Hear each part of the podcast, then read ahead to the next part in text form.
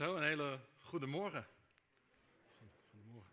Fijn om weer vanmorgen bij jullie te zijn. We hadden het net over, het is twee jaar geleden dat ik hier ook voor het eerst was. En dat was de zondag dat weer voor het eerst mensen ook bij de dienst mochten zijn. We hebben ooit eens een keer corona gehad, toen mochten jullie er niet zijn. Dat was toen de eerste dienst, toen mochten een aantal mensen zijn. En vanmorgen zijn jullie er allemaal weer. Dus hartstikke mooi en ja, goed om hier te zijn. Ja, ik ben Hans, Hans Bleker uit, de, uit Hoekse Waard. En uh, nou, vanmorgen, als alle tunnels open zijn, dan, dan ben je heel snel hier. Dus dat, uh, dat, is, uh, dat was heel goed. Hey, maar wat een mooi en bekend lied wat we zojuist zongen met elkaar. Ik hef mijn ogen op naar de bergen. Woorden die de meesten van ons denk ik wel kennen, herkennen uit Psalm 121. In de zomervakantie ga ik zelf graag met mijn gezin naar plekken waar bergen zijn. Altijd weer geweldig en indrukwekkend om die, die hoge bergtoppen te zien, hun schoonheid, hun veelkleurigheid, ook hun ruwigheid aan de ene kant, maar aan de andere kant, zeker wanneer je de bergen ingaat, ook de onvoorspelbaarheid en, en de grilligheid die ze in zich kunnen hebben. En ik wil het vandaag natuurlijk gaan hebben over deze psalm, psalm 121. En ik heb dit lied bewust eerst laten zingen, omdat het in mijn beleving een zeker contrast vormt met hoe deze psalm staat opgeschreven in de Bijbel. Heel vaak gaat het in het opwekkingslied over mij. U bent mijn beschermer. U bent mijn schaduw. Mijn bewaarder. Wat kan mij gebeuren? Mijn leven. Of er niemand meer om mij heen is die mij wil bemoedigen, die mij wil aanmoedigen. En daarom we maar besloten hebben onszelf een beetje moed te moeten inzingen. We zijn deze psalm gaan zingen als een getuigenis.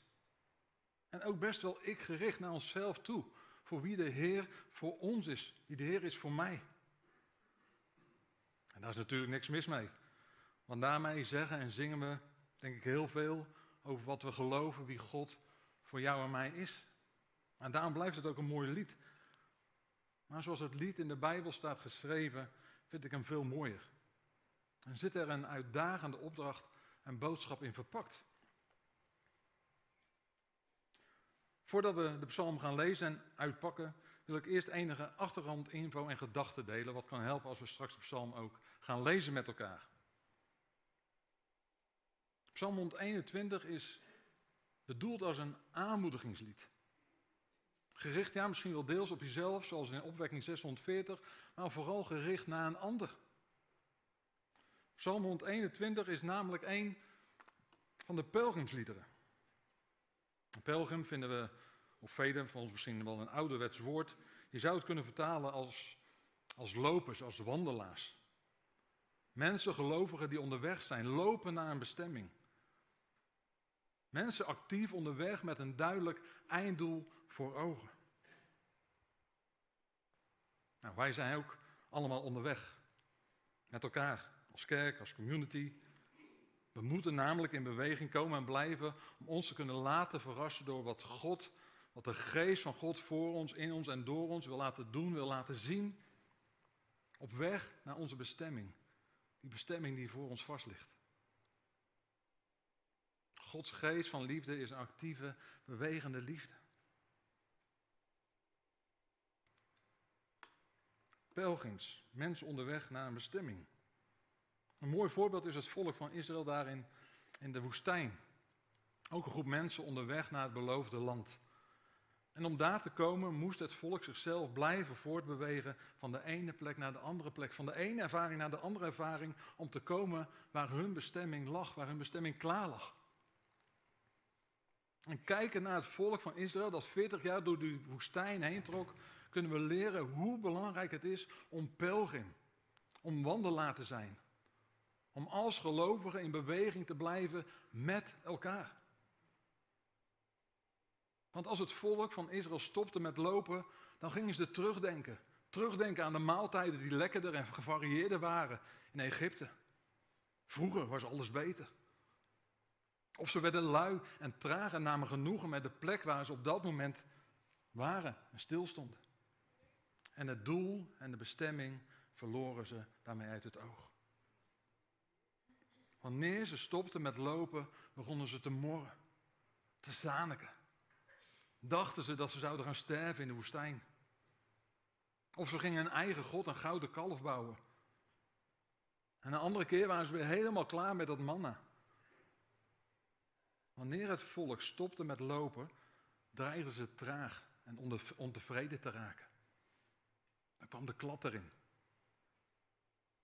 Beweging was het beste. In de context van Psalm 121 is deze psalm een lied, onder andere voor de pelgrims die deze psalm zong onderweg naar Jeruzalem. In Israël heb je drie grote feesten, het Paascha, het Pinksterfeest en het Loofhuttenfeest. En drie maal per jaar zag je vanuit alle windstreken pelgrims mensen op reis gaan naar Jeruzalem om daar die feesten met elkaar te gaan vieren. En het zingen van die pelgrimsliederen onderweg had een reden. Had verschillende redenen. Zelf ga ik bijna, bijna elke dag op de fiets naar mijn werk. En wanneer je elke dag dezelfde route fietst en de weg je dus bekend wordt, bekend is, gebeurt het regelmatig dat ik tijdens het fietsen in allerlei gedachten verzonken raak.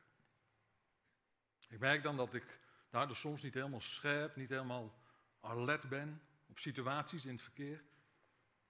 Of als het bijvoorbeeld echt heel rustig is op de weg, dat ik ineens opschrik van iets. En voor je gevoel heb je dan een heel stuk weg gemist. Misschien wel herkenbaar.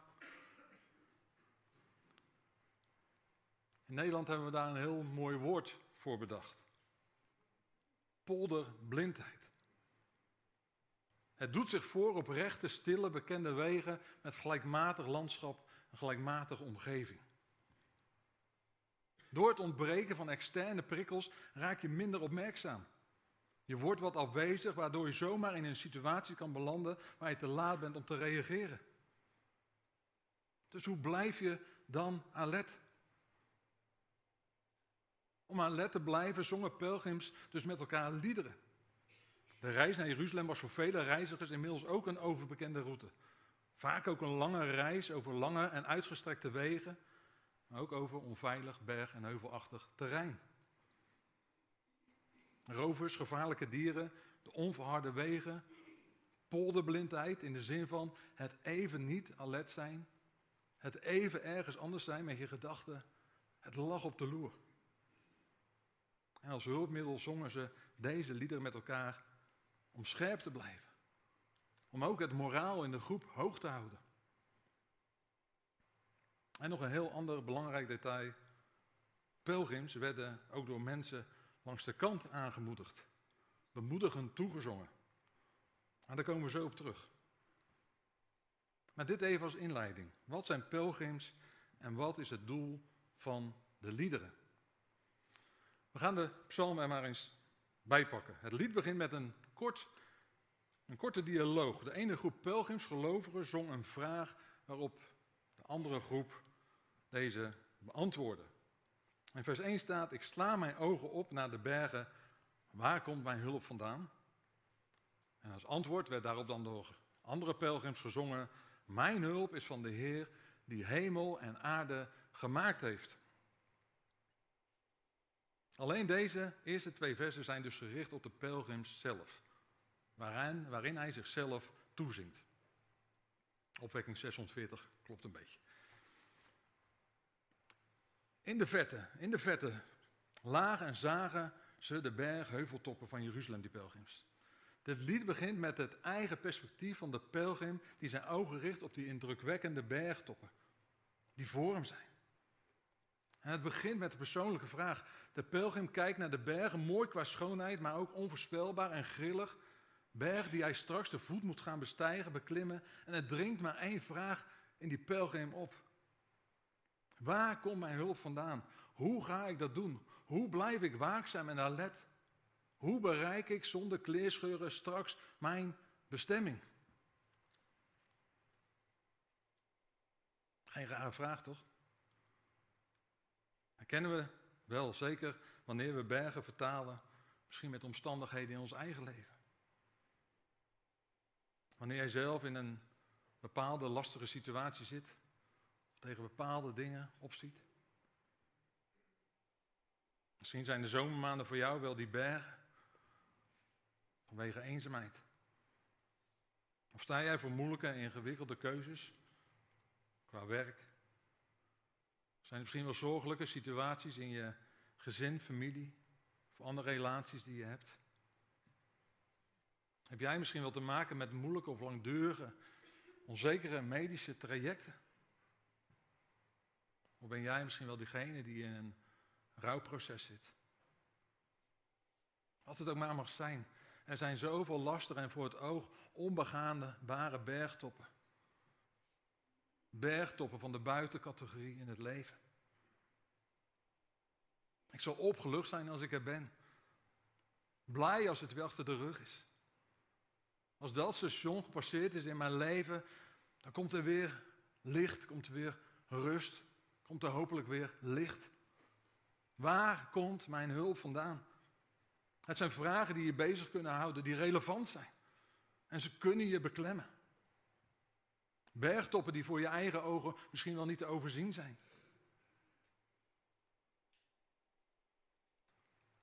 Maar het ik maakt al snel plaats voor het perspectief van boven.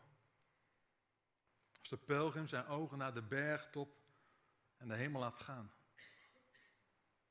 Want het antwoord is, zijn antwoord is, en het antwoord wordt hem ook toegezongen door andere pelgrims. Mijn hulp komt van de Heer. Want op die berg ligt Jeruzalem. En in Jeruzalem staat de tempel waar de Heer woont. Daar komt mijn hulp vandaan. Woorden van geloof, van vertrouwen, van verwachting. Die de onrust en de twijfel uit het hart van de pelgrim laten verdwijnen. Mijn hulp is van de Heer. Hij geeft zich er helemaal aan over. En hij of zij kan weer verder. Hoe de weg ook verder gaat. Maar in de wetenschap, de Heer is erbij. Bij mij, mijn hulp. Pelgrims. De gelovigen die onderweg waren, zongen dat dus met elkaar en naar elkaar toe. Dat is mooi toch? Ik vind het mooi. Zien we ook vaak gebeuren gewoon in de omgang met elkaar. Iemand komt met een vraag vanuit zijn of haar situatie naar jou toe. Hoe moet ik het allemaal doen? Wie gaat mij hier doorheen helpen? En de ander of jijzelf gaat even naast die ander staan, naast die ander zitten. Een stevige arm om hem of haar heen. En je zegt, toch, joh, kom op. Hou vol. Je kan het. Ik zal voor je bidden. Is erbij. Je hoeft het niet alleen te doen. Kijk niet alleen naar jezelf en naar je eigen mogelijkheden of onmogelijkheden, maar kijk ook, ook omhoog. Kijk ook omhoog. En we leggen het samen in de handen van de Heer. De Heer is jouw hulp.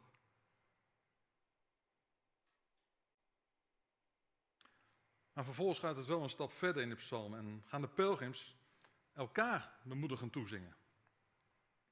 Dat is belangrijk. Een initiatief wat niet komt vanuit een vraag, zoals in vers 1, maar vanuit de pelgrim zelf naar een andere pelgrim toe. Dus geen hulpvraag wat jou in beweging zet, maar het initiatief komt helemaal uit jezelf en is gericht op de ander. Het is belangrijk om te zien, straks als we verder gaan lezen. En dat staat niet in de psalm, maar dat wordt wel aangenomen. Werden ze dus bemoedigend en aanmoedigend toegezongen door mensen die langs de kant van de weg stonden. En ik kan me voorstellen dat het mensen waren die zelf door omstandigheden of ouderdom niet meer konden meereizen naar Jeruzalem. Maar wisten welke weg deze pelgrims nog hadden te gaan, nog hadden af te leggen. Ze wisten de weg, bezaten de wijsheid. Ze hadden de ervaring van al die jaren ervoor. Maar besloten daarmee niet achter de geraniums te gaan zitten. Stil, lui, vertragend of morrend. Maar namen zelf het initiatief om naar die plekken te gaan waar de pelgrims langstrokken. Om hen aan te moedigen. En wat zongen of riepen ze dan naar de pelgrims? We gaan verder lezen bij vers 3. De Heer zal jouw voet niet laten wankelen. Wel zo prettig als je nog een stuk moet lopen. Want, en dat zijn eigenlijk beloftes, en het mij verandert hier in het jou. Jouw bewaarder zal niet sluimeren. Sluimeren. Ken je misschien wel als functie op je wekker. PC. Zeker op de wekker. Heel prettig. Sluimeren, het niet helemaal wakker zijn. Maar ook niet meer in een diepe slaap. Een God die er dus helemaal bij is. Niet een Heer in sluimerstand, niet een Heer die energiebesparend is. Een God die last heeft, misschien wel van polderblindheid. Of iemand die helemaal afwezig is door een diepe slaap. Iemand die zuinig met zijn energie omgaat. Zie, de bewaarder van Israël zal niet sluimeren. Zal niet slapen. De bewaarder. De bewaarder is zuinig op datgene wat waarde heeft. De Heer is zuinig op jou. En hij is klaarwakker. Dat is de eerste belofte. De Heer is jouw bewaarder. De Heer is jouw schaduw aan jouw rechterhand. Nou, we hebben genoeg dagen gehad om te zien wat dat betekent. Wanneer jij onderweg bent en de zon schijnt, dan beweegt je eigen schaduw constant met je mee. En dat doet God ook. Hij maakt de hobbelige wegen die wij moeten gaan niet altijd glad. De dalen en de bergtoppen moeten we vaak zelf doorgaan en beklimmen. Maar God gaat wel als een schaduw altijd met je mee. En kijk maar naar je eigen schaduw. Zoals je eigen schaduw onlosmakelijk aan je verbonden is, zo vast zit God aan jou. De Heer is aan jou verbonden en ga met je mee naar die bestemming. Waar je ook bent. 24 uur per dag. En dan staat er dat de zon zal jou overdag niet steken en de maan in de nacht niet. God is een God van trouw. God is een God van trouw. En zijn schaduw wijkt geen seconde van jouw zijde. De Heer zal jou bewaren voor alle kwaad. Jouw ziel zal Hij bewaren.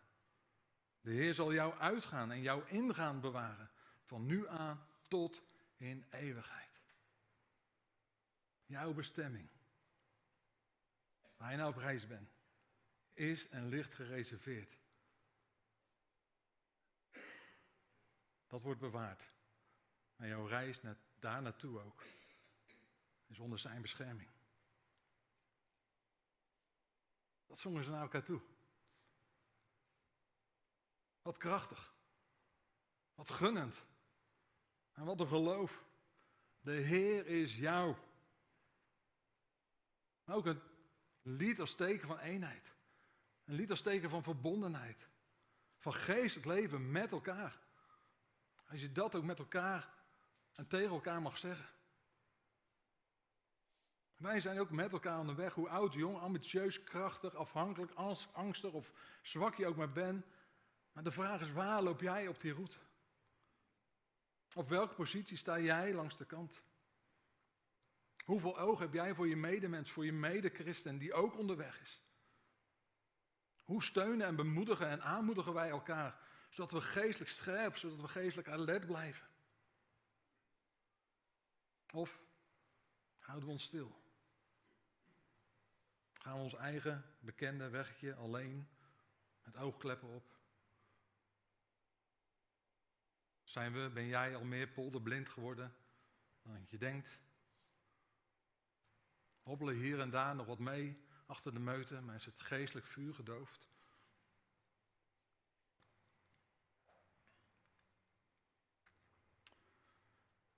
Een bekende term die je terug ziet komen in de sport en met name in het voetbal is de term het twaalfde man-effect. Ondanks het feit dat er maar met elf spelers gevoetbald mag worden, wordt de steun en de invloed van supporters in het stadion ervaren alsof je met een speler extra speelt. De aanmoedigingen van het publiek kan een voetbalploeg net even dat stukje extra geven waardoor de overwinning wordt behaald. En bij sommige voetbalploegen wordt daarom het rugnummer 12 niet aan een speler gegeven, maar staat dit nummer symbool voor de invloed van de supporterscharen, de twaalfde man. Uit onderzoeken blijkt ook dat supporters een groot effect hebben op de prestatie van hun favoriete ploeg. Enige weken geleden is een voetbalploeg hier uit de regio na jaren weer kampioen geworden. En mijn buren en mijn collega's zeggen het ook. Wij zijn kampioen geworden. Hun aandeel in het kampioenschap was essentieel. Mijn clubje. Ja. Voor de fijne supporters alsnog gefeliciteerd. Maar je ziet het ook bij andere sportieve activiteiten. Een aantal weken geleden werd de Roperun weer gehouden. En uit Bijland, waar ik woon, worden de ploegen die meedoen aan de run, wordt uit Bijland gezien als een van de hoogtepunten om doorheen te lopen. Misschien iemand meegedaan met de Roperun? Ah, ah. Daar uit Bijland te komen? Goed plekje. Goed plekje, yes. En dit jaar stond ik bij de ingang van het dorp de lopers aan te moedigen. En ik zag alle teams één voor één het dorp binnenkomen. En tegen een van de loopsters, die dit waarschijnlijk voor de eerste keer meemaakte, werd ook gezegd: Hier begint het. Hier begint het hoor. Laat je maar meenemen door de sfeer en geniet ervan. Ervaren teamleden hadden dit schijnbaar al tegen de nieuwkomers verteld. In oud hoe moe je ook bent, daar gaat lopen vanzelf. Het publiek en de sfeer geven nieuwe energie of je op handen wordt gedragen. Aanmoedigingen zijn dus ongelooflijk belangrijk. Zonder die steun is, is de competitie of de route veel zwaarder. Hopelijk lukt het jou om deze twee voorbeelden even vast te houden. Wij zijn ook allemaal onderweg. De een aan het begin van zijn reis met God. Moet de wegen nog leren kennen. Zijn of haar eerste roperen. De ander misschien al eind onderweg. Bekend met de ups en met de downs van het leven. De donkere nachten, het onvoorspelbare weer, de eindeloze wegen. En sommigen misschien die het gevoel hebben de tocht wel genoeg gelopen te hebben en genieten van de rust, van de vrijheid. En misschien ben jij ook wel als die Israëliet in de woestijn. Ben jij een pelgrim die even gestopt is? Even niets. Misschien ook wel wat luier geworden en vertraagd. Of onderdeel geworden van de morrende menigte. Ik weet niet waar je staat op de reis. Maar wie je ook bent. En waar we ook staan op onze reis. Kijk eens om je heen. We hebben elkaars steun nodig. Onze aanmoedigingen naar elkaar. We hebben ze zo verschrikkelijk en keihard nodig. Zeker in deze tijd. Wat een mooi en een stimulerend voorbeeld is het dan hoe dat de pelgrims ons dat voordeden. Hoe dat die dat deden met elkaar. Loop met elkaar mee, naast elkaar. Geef elkaar aandacht en blijf elkaar aanmoedigen. Of als je iemand alleen ziet gaan, sluit aan bij de ander. Of als je ouder bent en door omstandigheden beperkt, dan ga niet stilzitten. Maar maak de keuze. Ik ga figuurlijk langs de kant van de weg staan. En ik ga anderen aanmoedigen. Door een appje, door een lief kaartje. Ik zie je lopen. Ik denk aan je. Ik bid voor je. Ik moedig jou aan. Je doet daar voor de ander zoveel goeds mee. En de ander die deze aanmoediging ontvangt, ervaart en denkt: er is iemand die aan me denkt. Er is iemand die mij ziet. Iemand die tijd voor me neemt. Wauw. Mij aanmoedigt om door te gaan. Mij aanmoedigt om vol te houden. Dank u weer.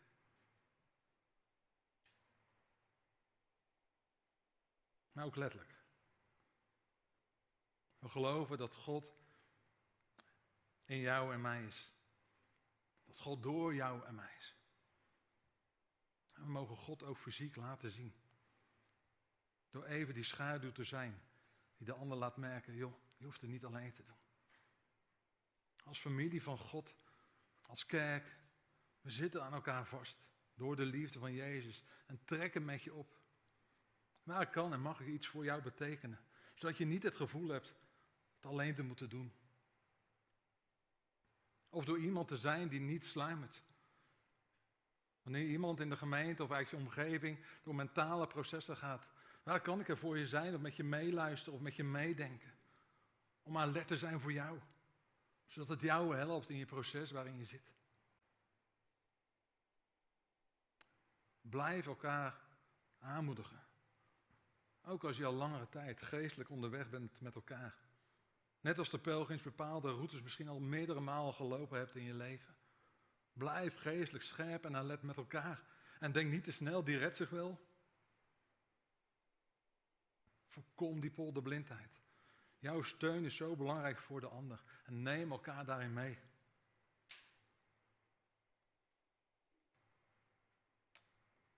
Het kan op zoveel manieren. Maar bedenk voor jezelf, bedenk eens één, twee, drie personen uit de gemeente, uit je omgeving, voor wie jij een twaalfde man kan zijn. Of misschien al bent. Iemand die het moeilijk heeft. Of iemand die wat achterop is geraakt. Iemand die hier misschien wel wordt gemist. Maar het kan ook zijn dat iemand gewoon die lekker goed en lekker in zijn vel zit. Door te zeggen, joh, wat mooi om te zien hoe jij met God leeft. Je bent een mooi voorbeeld. En denk daarbij ook aan onze tieners, aan onze jongeren. Ze hebben jouw aanmoediging zo nodig. De twaalfde man, de twaalfde vrouw. Waar kan jouw gebed, jouw appje, jouw aanmoedigingen, jouw schaduw, jouw scherpte, net even dat belangrijke verschil maken waardoor die ander verder kan? Of het weer perspectief weer ziet om die bergen en die heuvels over te gaan en door te gaan. Om vol te houden. Spreek die bemoedigende en spreek die zegende woorden naar elkaar uit. Neem en ga deze uitdaging, deze dag, de komende week en serieus aan. En net als bij de twaalfde man in het stadion of langs de kant van de weg bij de Roperin, zal jouw aanwezigheid een verschil geven in het leven van de ander. Gaat een verschil maken.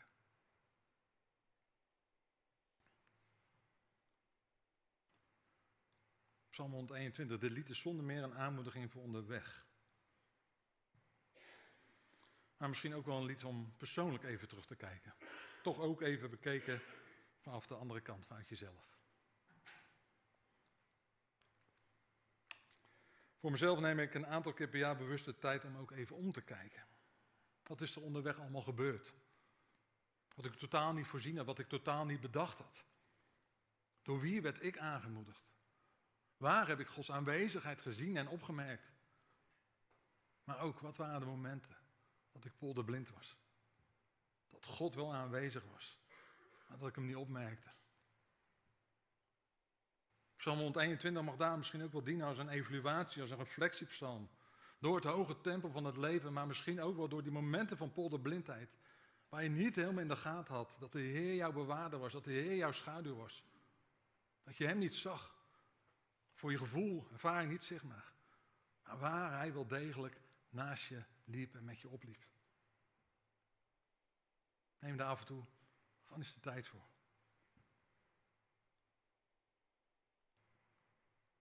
Samen onderweg naar een bestemming. Samen onderweg naar jou, naar onze bestemming. Vandaag, morgen. Hoe gaat de reis verder? We hebben met elkaar nog wat dagreizes, etappes af te leggen. En we hebben elkaar nodig. We dragen en hebben daarin ook een verantwoordelijkheid naar elkaar. Ben jij een twaalfde man of vrouw? Ben jij een twaalfde man of vrouw? Door de bemoedigingen en de aanmoedigingen die jij uitdeelt vanuit de liefde van Jezus in en door jou heen naar je naaste, zal dat ook voor jouzelf een zegen en een bemoediging zijn. Wie is jouw twaalfde man? En voor welke personen mag jij dat zijn? Wat een mooie uitdaging en opdracht om dat te doen met elkaar. Om je plek, om je positie in te nemen. Of deze opnieuw te ontdekken en in te nemen. We zijn onderweg naar onze bestemming. En wees een twaalfde man of vrouw voor anderen. En weet jezelf gesteund door de twaalfde man die God wil gebruiken en inzetten om jou bij die bestemming uit te laten komen. Het is beide. Het is beide. andere kant staan ze niet los van elkaar. Het is ook samen. We zijn ook samen onderweg. En het is geven en het is ontvangen. Zegen. En een goede reis verder.